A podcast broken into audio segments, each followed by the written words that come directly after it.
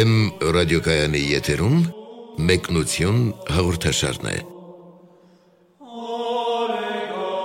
Սիրելի ունկնդիրներ, Վեմ ռադիոկայանի եթերում մեկնություն հաղորդաշարն է, որի ընթացքում ներկայացնում ենք Աստվածաշնչի առանձին գրքեր, դրանց առավել կարևոր հատվածների բացատրություններով։ Ձեզ հետ են արժանապատիվ Տեր Մեսրոպ Քահանա Արամյանը եւ Արա Սարգսակյան Նալչաջյանը։ Այսօր խոսենք Սուրբ Պողոս Արաքյալի Կորինթացիներին ուղված առաջին թղթի 13-րդ գլխի մասին, որտեղից ընտրել ենք հետեւյալ բնաբանը. Սերը երբեք չի ընկնում։ Օրհնյատեր հայր։ Աստված օրհնի։ Այս խոսքերը սերը երբեք չի ընկնում իրենց գրափարյան կերպով սեր ոչ երբեք անկանի գրված են երջանկայի շատակ Վազգեն առաջին կաթողիկոսի շիրմի վրա եւ սրանք վերծված են Պողոս Արաքյալի այսօրվա խնդրո առարկա առաքելական թղթի այս հատվածից եւ ընկնել կամ անկանին բարի բացատրություններ երբ ես ստայում եի հայկազյան բառարանում դրանք զանազան էին ամենատարբեր նրբերանգներ ունեին, բազմաթիվ երանգներ,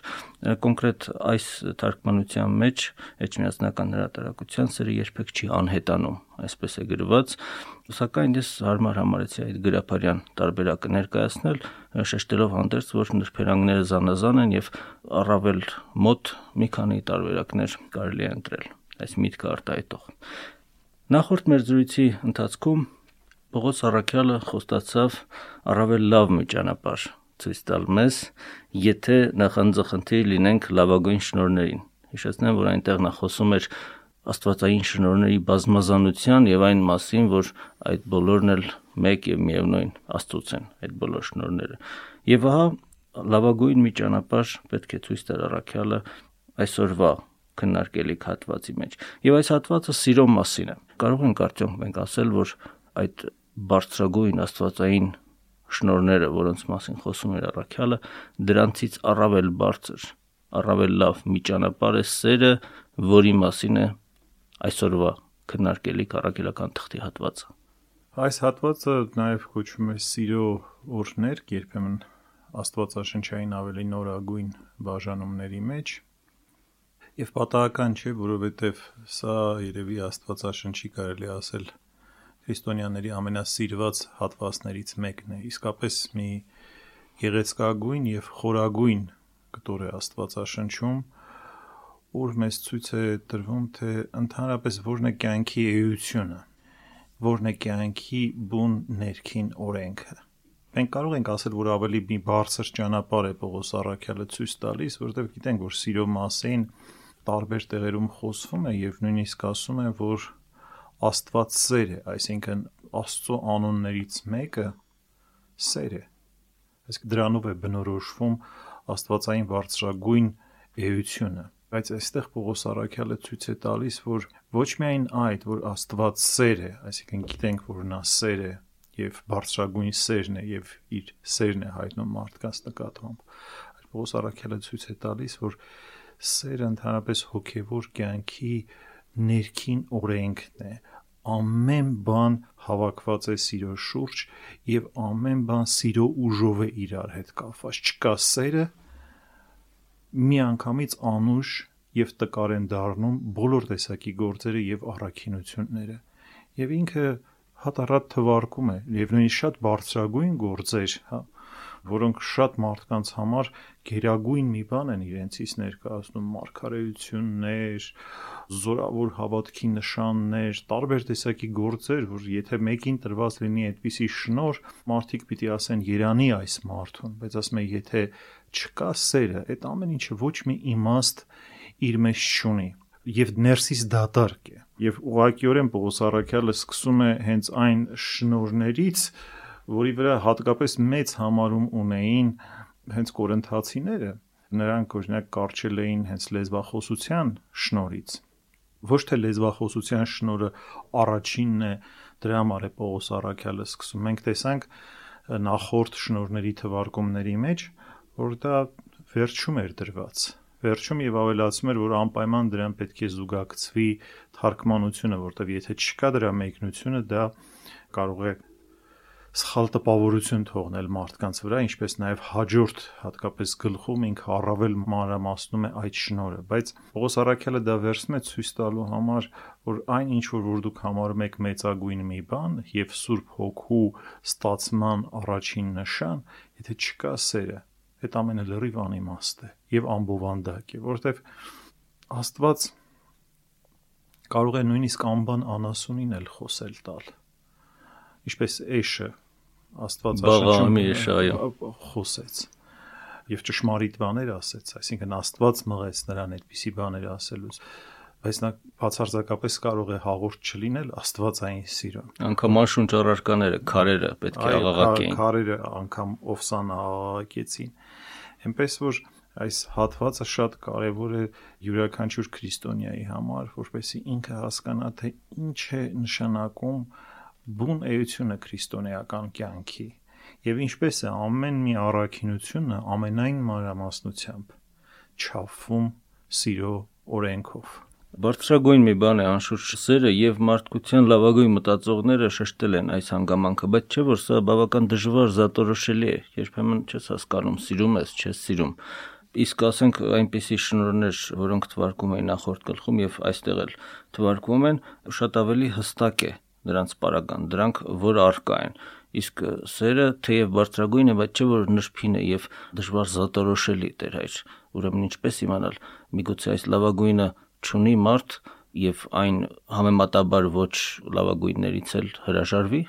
Այս շնորհները կարող են մարդու համար շատ արտաքին լինել, ինչպես անշունչ իրերի, հա, խոսելու կամ ասենք կենթանիների խոսելու օրինակն է ցույց տալիս. իրենց համար է ձայնը, որովհետեւ լեզվով խոսելը կամ մարգարեանալը ինչ որ բան անելը կարող է շատ արտաքին լինել եւ կարող է ներքին իրողության չվերածվել որպեսի այդ երևույթները ներքին իրողության վերածվեն անհրաժեշտ է սիրո գործոնը անպայման որտեվ դա է որ այդ առաքինությունները կամ այդ հավատքի այդ գործերը դարձնում է իսկապես մերը ներքին իրողություն է դարձնում մեզ համար ինչպես Տերը երբ որ զորություններ էր գործում, դրանք մեծամեծ գործեր էին, չէ՞, իսկապես ասենք մարդիկ այդպիսի բան չէին տեսել, բայց ինչու էր մարդուց հավատք պահանջում, այսինքն Տերը պահանջում էր, որ մարդը ներքին հավատքով կապվի այդ զորության հետ ոչ թե արտաքին աչքերի կուրությունը վերացնելն էր ամենամեծ գործը այդ գործերի մեջ, երբ Տերը լույս էր ապարգևում նրանց աչքերին, օրինակ,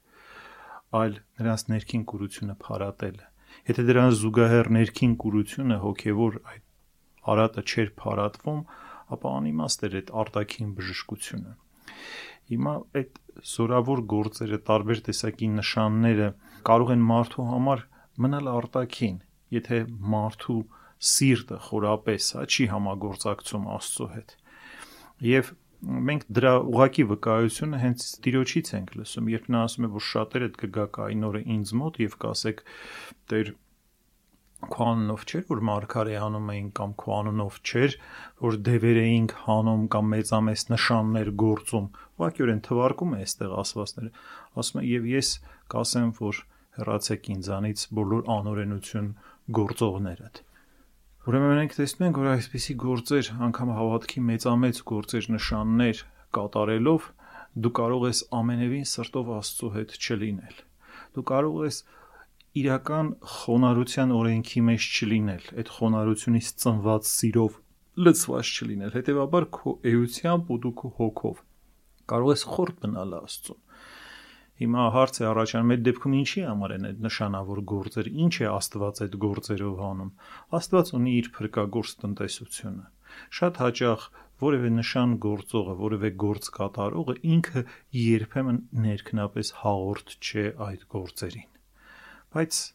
Աստծո ժողովուրդը չի զրկվում շնորհաբաշխություններից։ Երբեմն տվյալ մարդու միջոցով ինչ որ մի բան փոխանցվում է,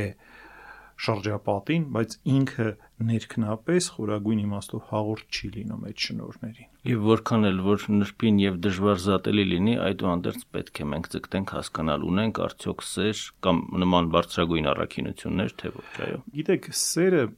նույնիսկ աշխարհի པարզ իմաստությունն է հասկանում դրա զորությունը։ Պատահական չի, որ այդքան ամենտեղ սերը գովերգվում է։ Նույնիսկ པարզ մարդկային սերը իրար նկատմամբ որ ելի այն սիրո արտացոլանք է, որտեղ այն աստվածային սիրո այդ գերագույն շահկապման հետևանքն է, հա, մարդկային տարբեր տեսակի շահկապումները կամ երբ որ ընդհանրապես դու որևէ մի գործ ես անում, որևէ բան այս աշխարհում գործում ես, եթե դրա մեջ դու իսկապես սեր չդրեցիր, դա անիմաստ է դառնում։ Իմաստ չունի։ Նախ այդ գործը չես կարող իսկապես վայելուչ կերպով կատարել, սկսենք դրանից, որ դա կբարթացնի ընդհանրապես որևէ գործի իրագործումը, երկրորդը, եթե դու սիրով չանես, քո հոգին ուրախությամբ չի լցվելու, քո հոգին չի ազատագրվելու դա ընդամենը լինելու է կամ մի պարտադրանք, կամ հերթական մի կաշկանդում, կամ հերթական մի թակարդ, եւ դու քեզ ավելի բռնված ես վերջում զգալու։ Ոչ մի օգուտ քեզ չի տալու։ Մինչդեռ այդ գործերի նպատակը ոչ թե հենց բուն ինքը գործն էր, այլ այդ գործի հետևում կամ այդ գործի միջոցով, հա, քո ձեռք բերած ազատագրումը, քո ձեռք բերած իրական հոգևոր արժեքը։ Դրա համար իսկապես ամեն բան չափվում է սիրով։ Եթե մի բան արեցիր, դու ավելի լցվեցիր սիրով, ուրեմն արած գործը իսկապես ճիշտ հոգով ես կատարել։ Նույնպես էլ ցանկացած առաքինություն, եթե դու գործեցիր եւ արդյունքում ավելի սիրով չլցվեցիր առ Աստված եւ մարդիկ, ուրեմն նշանակում է ինչ որ խնդիր կար այդ առաքինությունը գործելուց դու ճիշտ հոգով չես մտել այդ առաքինությունների մեջ նույնիսկ այս բարձրագույն գործերը թվարկելուց հետո, երբ նա թվարկում է հավատքի այդպիսի զարմանալի դրսևորումներ եւ այլն, նույնիսկ նա ավելացնում է ավելի ապշեցուցիչ հետեւյալ, եթե ասում է ամբողջ ունեցվածքը տամ իմ աղքատներին եւ իմ մարմինը մատնեմ մատնեմ այրվելու այսինքն անգամ հավատքի արդեն այդ բարձր վկայություններն է ինքը մեջ բերում նահատակվել հանուն հավատքի։ Պարզվում է, որ դու դրա մեջ մտնելով էլ կարող է ոչինչ չշահես։ Եթե քո մեջ սերը չես ունեցել։ Դրա համար մարդիկ շատ հաճախ այսպես ասում են նահատակվեց կամ նահատակ է, այս բառերն են օգտագործում, բայց պետք է բոլոր նահատակությունները համահավասար դնել այստեղ Պողոս Արաքյալը հստակ ասում է, որ բարձրագույն նահատակությունը հենց այն է, որը ունի ներքին սիրո բովանդակություն եւ ոչ թե, ասենք օրինակ, հպարտության դրսևորում կամ ինչ որ պարզապես մարդկային կամքի կիրառում ինչպես շատ հաճախ մենք տեսնում ենք նման օրինակ ասենք դրսևորումն էլ այլ կրոնների մեջ եւ այլն երբ մարդիկ այսպես դիմում են այդպիսի ծայրահեղ միջոցների ինքնաոչնչացման եւ այդ ինքնազոհության, մանավանդ սիրով ինքնազոհության բարձրագույն օրինակը տվեցեց ինքը մեր Տեր Հիսուս Քրիստոս։ Ընթերցենք ուրեմն Աստվածաշնչյան այս հատվածը աշխատելով որևէ բառ բաց չթողնել։ Նախ հատվածը ինքը բավական կարճառոտ է եւ յուրաքանչյուր բառ ունի շատ մեծ կշիռ։ Եթե խոսեմ մարդկանց լեզուները եւ հրեշտակներինը, բայց սեր չունենամ, կնմանվեմ մի պղնձի, որ հնչում է, կամ ծնծղաների, որ ղողանջում են։ Եվ եթե մարգարեություն անելու շնոր ունենամ, եւ հասկանամ բոլոր խորհուրդներն ու ամբողջ գիտությունը, եւ եթե ունենամ ամբողջ հավատը, ինչեւ իսկ լեռները տեղափոխելու չափ, բայց սեր չունենամ, ոչինչ եմ։ Եվ եթե իմ ամբողջ ունեցվածքը տամ աղքատներին եւ իմ այս մարմինը մատնեմ այրվելու, բայց սեր չունենամ, ոչ մի օգուտ չեմ ունենա։ Սերը համբերող է, քաղցրաբարո է, սերը չի նախանձում, չի ամբարտավանանում, չի գոռոզանում, անվայել վարմունք չի ունենում, իրենը չի փնտրում, բարկությամբ չի գրգռվում, չար բան չի խորհում, անիրավության վրա չի ուրախանում, այլ ուրախանում է ճշմարտության վրա։ Ամեն բանի դիմանում է, ամեն բանի հավատում է, մշտապես հույս է տածում, ամեն բանի համբերում։ Սերը երբեք չի անհետանում։ Եթե մարգարեություններ են, պիտի չքանան, թե լեզուներ պիտի լռեն, թե գիտություն պիտի անցնի։ Կանզի շատից քիչը գիտենք եւ շատից քիչն ենք մարգարյանում։ Իսկ երբ գա կատարյալը, շատից քիչը կանհետանա։ Մինչ երեխա էի, խոսում էի ինչպես երեխա, խորհում էի ինչպես երեխա, դատում էի ինչպես երեխա։ Իսկ երբ տղամարդ դարձա, երեխայական բաները մի կողմ թողեցի։ Այժմ տեսնում ենք աղոտ, ինչպես պատկերը հայլու մեջ, իսկ այն ժամանակ պիտի լինի դեմ առ դեմ։ Այժմ շատից քիչը գիտեմ, իսկ այն ժամանակ կգիտենամ, ինչպես որ նա ճանաչեց ինձ։ Բայց արդ մնում են. Հավատ, հույս, սեր, սրանք երեքը, եւ սրանցից մեծագույնը սերն է յուրաքանչյուր բառ իսկապես առանձին եւ ծավալուն մեկնության է արժանացել եկեղեցու հայրերից ընթերցված այս աստվածաշնչյան հատվածի բայց ուրեմն մենք շարունակենք քննարկումը այն հատվածից երբ ներկայացնելով բավական մեծ քրիստոնեական առաքինություններ առաքյալը բացատրում էր որ եթե անգամ այսպիսի մեծամեծ հատկություններ ես ունենամ եւ դրսևորումներ հավատքի դա ոչինչ է եթե առանց սիրո է արված եթե սեր չունենամ իմ սրտում եւ շարունակում է այստեղից սիրո բնութագրող որոշակի հատկություններ ներկայացնել, թե ինչպիսին է սերը։ Կարող ենք արդյոք մենք այս բնութագրումներից հասկանալ մեր սրտում սեր կա, թե չէ։ Ասում է, սերը համբերող է, քաղցրաբարո է, չի նախանձում, չի ամբարտավանանում եւ այլն։ Որոշակի վարքագծային եւ դրսեւորումային շարք է թվարկում։ Ասում ենք դժվար զատորոշելի է, մենք չգիտենք սիրում ենք թե չէ, բայց միթե հնարավոր չէ օրինակ այսպիսի կետերով հերթով ինքներս մեր անձերը քննելով հասկանանք մեր սրտում կա այդ սերը թե ոչի վերջո։ Իհարկե սրանք սիրո բնութագրիչ հատկություններ են եւ ամեն մի բառ է այստեղ շատ կարեւոր է ինքը ըստ էության բացում է սիրո մի մեծ ասպարես օրինակ ինչպես կարելի է պատկերացնել սերը, եթե մեկը համբերություն չունի։ Եվ համբերությունը ինքնին սեր է։ Պետք է նաև սա հասկանալ։ Իսկան եթե մենք համբերող ենք, մենք սեր ենք, սիրո ինչ որ նշան ենք ցույց տալիս դիմացինի նկատմամբ։ Եվ եթե չենք նախանձում մենք, սա նույնպես սիրո նշան է։ Ինչպես կարող է նախանձոտ մարդը սեր ունենալ իր մեջ։ Միթե ծնողը կարող է նախանձել իր որդու հաջողության համար։ Իհարկե,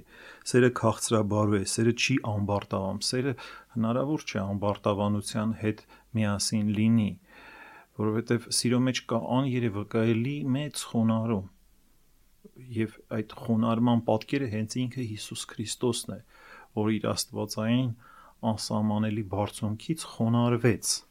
մարդացավ, մտավ մեր մարդկային չափավորության, տկարության մեջ եւ ինչեւ վերջ մտավ, ինչեւ իսկ առաքյալների ոդքերը լվանալու աստիճան, որ տերն էր դիեզերքի։ Այսինքն նախ Աստված խոնարհվեց։ Առաջին նշանը, որով որ սերը մեզ բացվեց։ Եվ հետո ամբողջ իր կյանքը եղավ խոնարհության օրինակ եւ վերջապես այդ խոնարհության գերագույն դրսևորումներ հենց նրա պատարակվելը խաչի վրա Այսինքն մեր մեղքերի համար, մեր բոլոր տկարությունների, ցավերի եւ վշտերի համար նա խաչ բարձացավ։ Մեր բոլոր պարտքերը իր վրա վերցրեց եւ մեզ ազատագրեց չարի բռնադատվածությունից։ Եվ մենք տեսնում ենք, որ Աստված շատ յուրահատուկ կերպով է այդ սերը թարգմանում։ Ամբողջ ավետարանը հենց սիրո թարգմանություն է, Աստվածային սիրո։ Ինչ է նշանակում սեր եւ ինչպես պետք է սիրել այդ սիրո մեջ կա կատարյալ ինքնազոհողության հոգի մի սեր, որը բավականին անհասկանալի էր հին աշխարհի համար, որովհետև հին աշխարհը շատ հեդոնիստական, այսպես հաճիապաշտական անկալում ուներ սիրո։ Քրիստոնեությունը բերեց սիրո իսկապես նոր անկալում եւ պատական չէ, որ քրիստոնեությունը հենց կոչվում է սիրո կրոն։ Ինչի մասին են բոլոր ավետարանները, սիրո մասին են։ Եվ Քրիստոս ոչ միայն աշակերտների ոտքերը լվաց, անգամ իրեն խաչողների համար նա աղոթեց։ Այո, խնդրեց հորից, որ Աստված ների դրանց, խաչի վրա ներում է նրանց, ինքը նախ եւ հորից է խնդրում, որ հայրը ների, որովհետեւ ասում է չգիտեն թե ինչ են գործում։ Շատ հետաքրքրական է այս արտահայտությունը, սերը իրենը չի փնտրում։ Շատ յուրահատուկ բանալիներից մեկն է սիրո իսկապես սիրո մեջ կա մի աներևակայելի անանձնականություն։ Դա անանձնական կյանքի բանալին է։ Երբ արդեն դուրս ես գալիս ամեն տեսակ այսպես կապանքներից, դառնում ես կատարելապես ազատ մարդ։ Կատարելապես ազատ մարդը նա է, ով իրենը չի փնտրում, նույնիսկ չգիտի էլ թե որն է իրենը։ Այլ ինքը կատարյալ ուրախություն ունի, որովհետև ուրախանում է բոլորի ուրախությամբ։ Եվ ամեն բանի դիմանում է, ամեն բանի հավատում է։ Այսինքն սիրո մեջ մարդը ձեռք է բերում յուրահատուկ դիմադրողականություն։ արտակուստ այս աշխարհի համար ամեն տեսակի դիմադրողականություն կորցնելով։ Միթե դա հնարավոր է դեր այդ առասարակ ամեն բանի դիմանալ, մանավանդ ամեն բանի հավատալ, չէ՞ որ քեզ կարող են նաև սուտը ներկայացնել, միթե ստին էլ պետք է հավատաս։ Երբ ասում է ամեն բանի հավատում է, այստեղ փուչ բաների մասին չի խոսք, այլ իրական ճշմարիտ բաների մասին է խոսքը։ Ամեն բանի հավատում է նշանակում է ինքը ունի վստահություն ճշմարտության նկատմամբ որտեղ ամեն բան ոչ բաների մասին չի խոսում, բաների մասին է խոսում։ Ամեն բան, որը արժանի է հավատալու, որը իր մեջ ունի ճշմարտություն, նա հավատում է եւ վստահում է, այսինքն վստահություն ունի մարդկանց եւ ճշմարտության նկատմամբ։ Ի վերջո, երբ որ դու մարդուն հավատում ես, վստահում ես մարդուն, չի նշանակում, որ դու չես տեսնում այդ մարդու միջի ճարիքը Չէ, տեսնում ես այդ ճարիքը, բայց նաև նրա մեջ տեսնում ես մի պայծառ կայծ։ Եվ այդ կայծին ես հավատում։ Տեսնում ես լույս, այդ լույսին ես հավատում։ Դրանով նաև շատ յուրահատուկ շեշտադրում ես կատարում այդ մարդու կարևոր ուժերի եւ զորությունների վրա եւ քո հավատքով օգնում ես, որ նա էլ ոտքի կանգնի։ Որտեւ եթե նրա մեջ մեղքը տեսնես եւ բացարձակապես նրան չվստահես, այդ մարդը մտածելու ես մեղքի մեջ կորած մի մեկն եմ ոչինչ եմ ես եւ ինքը ավելի է վհատվելու եւ կոտրվելու։ Ուրեմն տեսնում եք հավատքը ինչպես է օգնում։ Նայած թե ոնց ես հավատում նայած թե ոնց ես վերաբերվում մարդկանց քո այդ հավատքի մեջ տես սա պարզապես սնա հավատության պես մի բան չէ կամ դյուրահավատություն չէ կամ փուչ հավատք չէ այլ սիրո ճշմարտությամբ լցված, սիրո տեսողությամբ լցված հավատք է։ Սա պրոգրեսիվ հավատք է, որի մեջ իսկապես ամեն բան կարող է աճել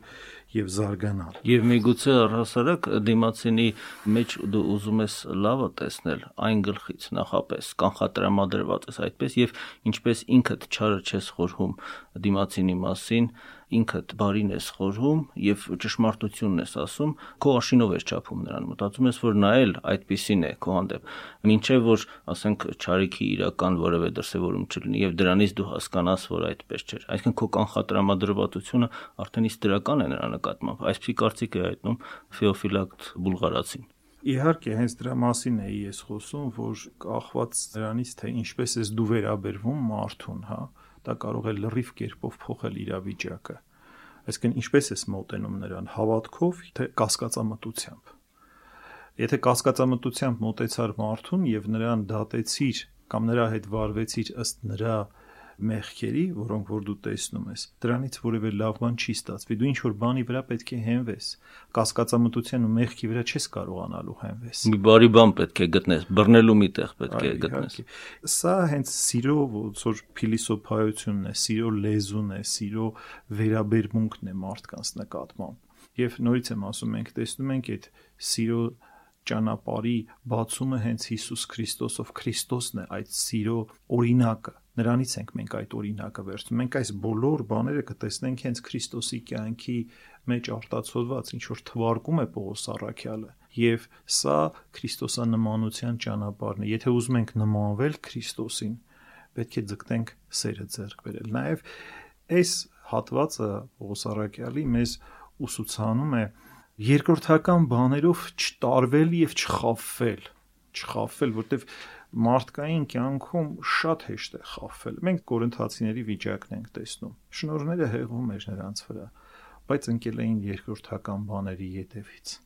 Մի կարծեք, որ այս իրավիճակը շատ հեռու է։ Նույն բանը այսօր կտեսնեք տարբեր տեսակի աղանդավորական շարժումների մեջ։ Մի բանից կարճում են եւ այդ բանը դարձնում են հոգեվոր կյանքի գլխավոր գործոնը, մոռանալով ավելի կարևոր բաների մասին եւ երբեք պետք չի ասել, որ գոնե այս մի բանը ունենանք, դրանք շատ մեծ եւ մեզանից հեռու բաներ են, այս մի բանով բավարարվենք։ Հենց մենք կատարելության ձգտումը սահմանափակեցինք ինչ որ մի շնորով, այդտեղ հոգեվոր կյանքը վերջանում։ Այդտեղից արդեն սկիզբ է առնում աղանդավորությունը։ Եվ մենք տեսնում ենք, որ այսպիսի թակարդներ մարդկության կյանքում բազմաթիվ են եղել բազմաթիվ եւ դրանից առաջացել են ամեն տեսակի աղանդավորական շեղումներ եւ պատկերացումներ։ Եվ նաեւ այստեղ Պողոս Արաքյալը տալիս է սիրո հավիտենական բնույթը, անանց բնույթը։ Անանց, որտեղ ասում է, եթե ինչ որ բաներ կան, ասում է, սերը ընդհանրապես չի անհետանում։ Ասում է, թե մարգարեություններ լինեն, պիտի անհետանան, թե լեզուներ պիտի լռեն, թե գիտություն պիտի անցնի, այսինքն սկսում է թվարկել, ասում է, որ ի վերջո ցանկացած շնորի բնույթը ինչ որ ժամանակի մեջ է, որտեղ մարգարեությունը ժամանակի համար է տրված։ Ժամանակը անցավ, այդ մարգարեությունը պիտի անցնի լեզուն ինչ որ ժամանակի համար է ինչ որ ժամանակ հետո բնական է որ այդ լեզուն լռելու է կամ այդ լեզուն պիտի լռի որովհետև այդ խոսելը որևէ իմաստ չպիտի ունենա դա նույնպես տված է ինչ որ ժամանակի եւ ինչ որ իրողության գիտություն որ այդ գիտությունը իսկապես պիտի անհետանա որովհետև դրա կարիքը չի լինելու երբ մենք գանք դեմ հանդիման ճանաչողության ինչպես Պողոս Արաքյալն է խոսում որովհետև այդ գիտությունը ինչ որ բան տեսնելը կամ իմանալը նրա համար է, որովհետև մենք այս կյանքում ենք ապրում եւ փոքրի շատ է գիտենք, այսինքն շատից քիչն ենք մենք իմանում։ Իդեպ շատ ուշագրավ է այս կապակցությամբ Սուրբ Հովան Ոսկեբերյանի բացատրությունը, որ ասում է, թե ոչ թե ինքնին գիտությունը կամ այդ մյուս լավ բաները, որոնք թվարկում են, դրանք պետք է անցնեն, այլ դրա անկատարությունն է, որ պետք է վերանա։ Օրինակ, ասենք հիմա մարդկային գիտությունը զարգացման իր որոշակի աստիճանի է հասել եւ առավել ուժգին թափով շարունակում է զարգանալ եւ մարդիկ գիտեն որոշակի ճշմարտություններ, առարչության որոշակի գաղտնիքների են անգամ հասու լինում, բայց երբ գա հավիտենականությունը, մարդը շատ ավելին պիտի իմանա, քան այսօր։ Եվ այսօրվա գիտությունը, որքան էլ զարգացած լինի, այնուհանդերձ դա անկատար է որոշակի չափով։ Եվ այս անկատար գիտությունն է ասում, որ պետք է անցնի եւ փոխարինվի առավել ամբողջական գիտությամբ։ Եվ մենք պետք է Աստծուն ճանաչենք այնպես, ինչպես Աստված է մեզ ճանաչում բայց սիրո բնույթը այդպեսին չի։ Սա այդ ճանաչողության, մարգարեությունների եւ այլ շնորհների բնույթն են։ Անցողիկությունը, այո։ Անցողիկությունը, որովհետեւ հավիտենական կյանքում դրանք այդպես չեն գործելու։ Դրանք այս կյանքում են այդպես գործում եւ մենք դրա պատճառով է, որ դրանց տալիս ենք յուրահատուկ կարեւորություն, բայց Պողոս Արաքյալը ասում է, որ սերը միակ բանն է, որ չի անհետանում Պաստորեն ասելով, որ սերը չի անետանում կամ չի ընկնում կամ չի անցնում եւ այլն, առաքյալ այստեղ նկատի ունի այս երկրավոր իրողությունից հավիտենականություն, կատարելիք անցումը, այդ պահին է, որ չի անետանում, այո։ Սերը միակ մնայուն առաքինությունն է միակ մնայուն առաքինություն անգամ հավիտենության մեջ անգամ հավիտենության մեջ անգամ եթե համեմատելու լինենք հավատքի հետ հույսի հետ որտեվ ի վերջո ինչ է ասում Պողոս Սարաքյալը հավատքը հուսացած բաների հաստատումն է եւ աներևույթների ապացույցն է բայց երբ ինքը գա Տերը արդեն այլևս դրա կարիքը չկա բայց այդ հավատքից ծնված սիրո կարիքը մենք միշտ ունենք որովհետև մեր կյանքի ուժականությունը, այսինքն ով ենք մենք, եւ ինչ զորություն ունի մեր մեջ կյանքը չափում է սիրո։ Ինչքան սեր ունենք, այդքան էլ մենք կյանք ունենք։ Ինչքան սեր ունենք, այդքան էլ ժառանգություն ունենք հավիտենական կյանքում։ Այլ կերպ ասած, մենք հավիտենական կյանքը ժառանգելու ենք ըստ մեր սիրո չափի։ Փոքր սեր ունեցանք, փոքր ենք լինելու այդ հավիտենական կյանքի մեջ։ Մեծ ունեցանք, մեծ ենք լինելու։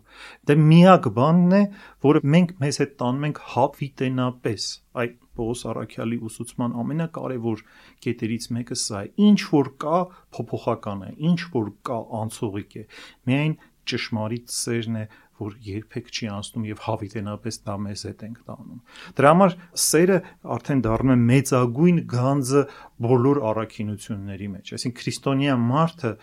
ով է։ Քրիստոնյա մարդը նա է, ով ամեն ինչի մեջ փնտրում է սերը, որ երբեք չի բավարարվում որևէ բանով, եթե սերը ինքը չի գտել։ Այդպիսի մարդն է քրիստոնյան։ Փաստորեն բառից բացարձակ առումով ճիշտ չէ այն թե որ արտահայտությունն թե մարդ իր հետ ոչինչ չի տանելու այս աշխարհից այնտեղից կա ինչ որ բան որ տանելու է եւ դա սերն է որովհետեւ դա այս աշխարհից չէ դա այն աշխարհից է սիրո արդյունքը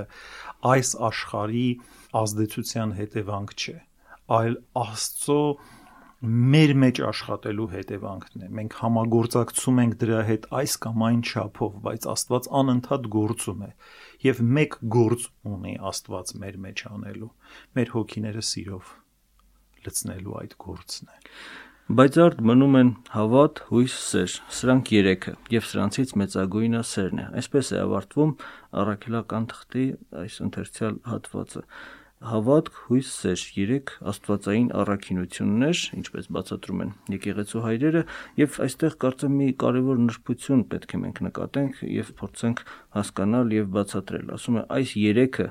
եւ սրանցից մեծագույնը սերն է։ Ըստ իս սա կարելի է երկու կերպ հասկանալ Տեր հայր, որ մնում են արդ այս երեքը եւ սրանցից մեծագույնը սերն է բառիս այս པարզ իմաստով եւ մյուս եղանակը հասկանալու որ թե այս երեքը եւ թե սրանցից միայն մեկը սերը նույն անունով են կոչվում սեր ասենք կարծես մի թղթապանակ լինի մեծ որի վրա գրված է սեր երբ բացում ես այդ թղթապանակը դրա մեջ երեք առանձին թղթապանակներ են ամեն մեկի վրա գրված մեկի վրա հավատք մեկինը հույս եւ մեկինը սեր։ Պաստորեն ստացվում է, որ սեր անունը երկու անգամ է կրկնվում, մեկ անգամ այդ մեծ թղթապանակի մեջ եւ մեկ անգամ փոքրի մեջ եւ այդ սերը կարեւորագույնն է, դրա համար էլ դրա անունով կոչվում է ամբողջը, այդ երեք աստվածային առաքինությունների ամբողջությունը սեր։ Սա էլ հասկացման մի եղանակն է, որն է սրանցից ճշմարտության առավել մոտ այս երկու ենթադրություններից։ Նախ այստեղ թվարկում է իսկապես երեք աստվածային առաքինությունները եւ ասում է, որ դրանցից մեծագույնը սերն է։ Նախորդ հատվածում մենք տեսանք, որ ինքը ասում էր, որ սերը միակ անանցողիկ բանն է բոլոր բաների մեջ։ Գալու է ժամանակ, որ այդ փոքրի շատեները խափանվելու են եւ մենք կանգնելու ենք դեմ հանդիման աստվածային իրողության առջև։ Եվ այդ ժամանակ մնում է միայն սերը։ Սա չի նշանակում, որ այն մնացած բոլոր բաները, որ կային, որևէ իմաստ չունեին իրենք որպես այդպիսին, որպես արտաքին դրսևորում են անհետանում, նրանց միջի սերը մնում է։ Այսինքն հավատք, երբ մենք ասում ենք առանց սիրո պատկերացնել, չէ, ոչ էլ սերն է առանց սիրո պատկերացնելի։ Այսինքն հավատքը ինչ որ առումով սիրո աշխատանք է եւ սիրո դրսևորում է, որտեղ ինչպես պիտի հավատքի գործեր կատարես, առաքինություններ գործես, եթե սեր չկա քո մեջ։ Հնարավոր չէ։ Ինչպես պետք է հուսաս, երբ դու մի բան չես սիրում, ինչպես ես հույս տածելու այդ բանի նկատմամբ։ Հնարավոր չէ։ Այսինքն սերը հայտնվում է եւ ամենա ստորին մակարդակների վրա եւ ամենաբարձր մակարդակների վրա եւ ընդհանրապես ամբողջ ընթացքն է հոգեվոր կյանքի իմաստով լցնում եւ այդ իմաստով սերը միականունն է հոգեվոր կյանքի հոգեվոր գործերի ամեն բան ինչ որ որ մենք գործում ենք որը մեզ տանում է առաստված դա սեր է կարելի այդպես ասել բոլոր գործերը սեր են այդպես կարող ենք ասել կյանքը սեր է այդպես կարող ենք ասել եթե մենք այդ կյանքի լավագույն մասը նկատի ունենք եւ ոչ թե մեղսահակ մասը բայց այստեղ Պողոս Արաքյալը մի կարևոր բան էլ է ասում մեզ ասում է որ ես ոչ թե parzapes ինչ որ սիրո մասին եմ խոսում, որովհետև Պողոս Արաքյալը շատ լավ գիտի, որ այս աշխարհում կան սիրո ահավոր աղավաղումներ, տարբեր տեսակի մոտեցումներ ու փիլիսոփայություններ, ինչպես հիմա ամեն մեկը սիրուց է խոսում, ինչպես հասկանանք որն է ճիշտը, բոլորս ինչ որ սիրուց են խոսում։ Դրա համար Պողոս Արաքյալը տալիս է նաև այդ սիրո ճշմարիտ դավանաբանական հիմքը, ոչ թե պարզապես սեր, այլ ճշմարիտ հավատքից ծնված սեր։ Ոչ թե պարզապես սեր, այլ փրկության հույսից ծնված սեր ոչ թե տարբեր տեսակի սնահավատություններից եւ այլ հույսերից ծնված, այլ փրկության հույսից ծնված սեր։ Տալիս է այն սիրո բնութագրումը, որը հիմնված է իսկապես քրիստոնեական ուսմունքի վրա որովհետև իսկապես կարող ես այդ սիրո փիլիսոփայության ու մեկնաբանությունների մեջ լրիվ կերպով խճճվել այս աշխարհում բայց հավատքի ճշմարիտ դավանաբանության եւ փրկության հույսի վրա հիմնված սերը իսկապես գերագույն բանն է եւ դա որևէ ձևով չի կարելի շփոթել մնացած բոլոր մեկնաբանությունների հետ։ Իսկապես դեր հաճախ կարելի հանդիպել սիրո աղավաղումների ոչ միայն այդ բառի սխալ գործատության տարբեր երևույթների հանդեպ, օրինակ, պարզապես կրքի հանդեպ էլ հաճախ սեր բառն են գործածում, սիրով զբաղվել այսպիսի արտահայտություն է անգամ գործածվում եւ այլն։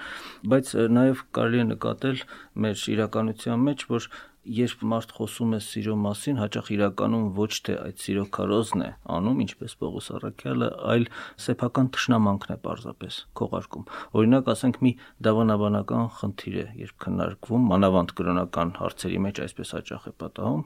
այս մեխանիզմը խափեական եւ պետք է ճշմարտությունը ի հայտ գա, որպեսզի ճշմարտությունը դակցվի, մարդիկ խոսքը գտորը գցելու համար սիրո մասին են խոսում, սկսում են սիրո կարոս կարդալ եւ այլն, այնինչ ճշմարտությունը թաքցնել է բուն նպատակը, որը ամենևին սիրո դրսևորում չէ։ Եվ այլ նման օրինակներ բազմաթիվ կարելի է բերել այլա փոխումների, այլա խեղումների սիրո, ճշմարիտ սիրո այդ փոխարինման կեղծ սերերով։ Բայց սակայն մի խնդրի նաև ուզում եմ ձեր ուշադրությունը հրավիրել, Տեր հայր, մենք խոսում ենք ամեն ինչի անցողիկության եւ սիրո մրայուն լինելու մասին, եւ սակայն այստեղ ուշագրավ է, որ առաքյալն ասում է մնում են հավատք, հույս, սեր մնում են։ Այսինքն հավատը եւ հույսը սիրո հետ միասին նա դարձյալ մնայուն բաների շարքին է դասում առաքյալը ի տարբերություն անցողիկների։ Ինչով է սա պայմանավորված։ Միթե հավատը եւ հույսը նույնպես մնում են ինչպես սերը, թե դրանք յուրահատուկ հավատ եւ հույս են, որոնք դարձյալ հավիտենականության մեջ տեղի ունեն եւ հավիտենական կյանքը հավատի, հուսո եւ սիրո այդպիսի մի միասնություն է իրենից ներկայացնում, այդպիսի կյանք է։ Ես ինչպես արդեն ասացի, որ իրականության մեջ այս երեքը մեկ են մենք այս նույնիսկ այս երեքը կարող ենք մեկ սեր բառով բնութագրել ոչ թե դրանցից մեծագույնը սերը դրանք բոլորն էլ սեր են եւ հավատքը հավատք է այնքանով որքանով որ դրա մեջ սեր կա նույնպես հույսը հույս է նրանով որքանով որ դրա մեջ սեր կա այսինքն այս բոլորը մեզ տանում են դեպի մեկ բարձրագույն կետ որ Աստված է եւ Աստված հենց ինքը սերն է Էնպես որ երբ ասում է մնում են, Պողոս Արաքյալը չի ասում որտեղ են մնում, հա, Պողոս Արաքյալը ասում է մնում են 3-ը, այսինքն ամեն ինչի միջից ասում է ես առանձնացնում եմ այս 3-ը եւ համարում եմ, որ սրանք են կարեւորագույն բաները։ Բացի դրանից դրանք կոչվում են աստվածային առաքինություններ ուրեմն կան մարդկային առաքինություններ տարբեր տեսակի ասենք առաքինություններ են նկարագրվում ինչպես հին հունական փիլիսոփայության մեջ կամ այլ համակարգերում, որոնցից շատ բան են նաև քրիստոնեությունը վերցրել։ Նրանք օրինակ կան 4 մարդկային առաքինություններ, խոհականություն, արիություն, ողջախոհություն եւ արդարություն կամ այլ ուրիշ առաքինություններ, բայց այս երեքը կոչվում են աստվածային, որտեղ սրանք աստվածային բնույթ ունեն։ Աստվածային ներգործության հետևանք են Ճիշտ է մենք ունենք դրանց բնածին չափանիշներ, բայց առանց շնորհական ներգործության այդ բնական չափանիշները չեն կարող գործել, ֆունկցիոնալ չեն կարող լինել, ինչպես հավատքը, չէ՞ որ մենք ասում ենք հավատքը շնոր է, Աստծուց տրված պարգև է հավատքը։ Մենք ունենք մարդկային բնածին չափանիշներ, այդ միտքը ունի այդ տեսողությունը, բայց ինքը առանց շնորի լույսի կխարխափի ինչպես խավարում։ Եվես որ սրանք բացառիկ աստվածային ծագում ունեցող առաքինություններ են եւ ուղակի աստվածային ներգործության հետևանք դրա համար այս երեքը միասին են ինչպես ամենասուրբ երրորդությունը որ հայր որդի եւ սուրբ հոգի է բայց մենք չենք ասում երեք աստվածներ ասում ենք մեկ աստված այնպես էլ հավատք հույս սեր մենք չենք ասում, որ սրանք 3 տարբեր բաներ, որովհետև սրանց էությունը նույնն է եւ այդ էությունը մեկ բառով է բնորոշվում՝ սեր։ Սիրելի ունկնդիրներ, իմ զրուցակիցն էր արժանապատիվ Տեր Մեսրոպ Քահանա Արամյանը։ Տեր Մեսրոպի հետ մեր հաջորդ զրույցը նախատեսել ենք Սուրբ Պողոս Առաքյալի Կորինթացիներին ուղված առաջին թղթի 14-րդ գլխի մասին։ Օրհնյա Տեր հայր։ Աստված օրհնի։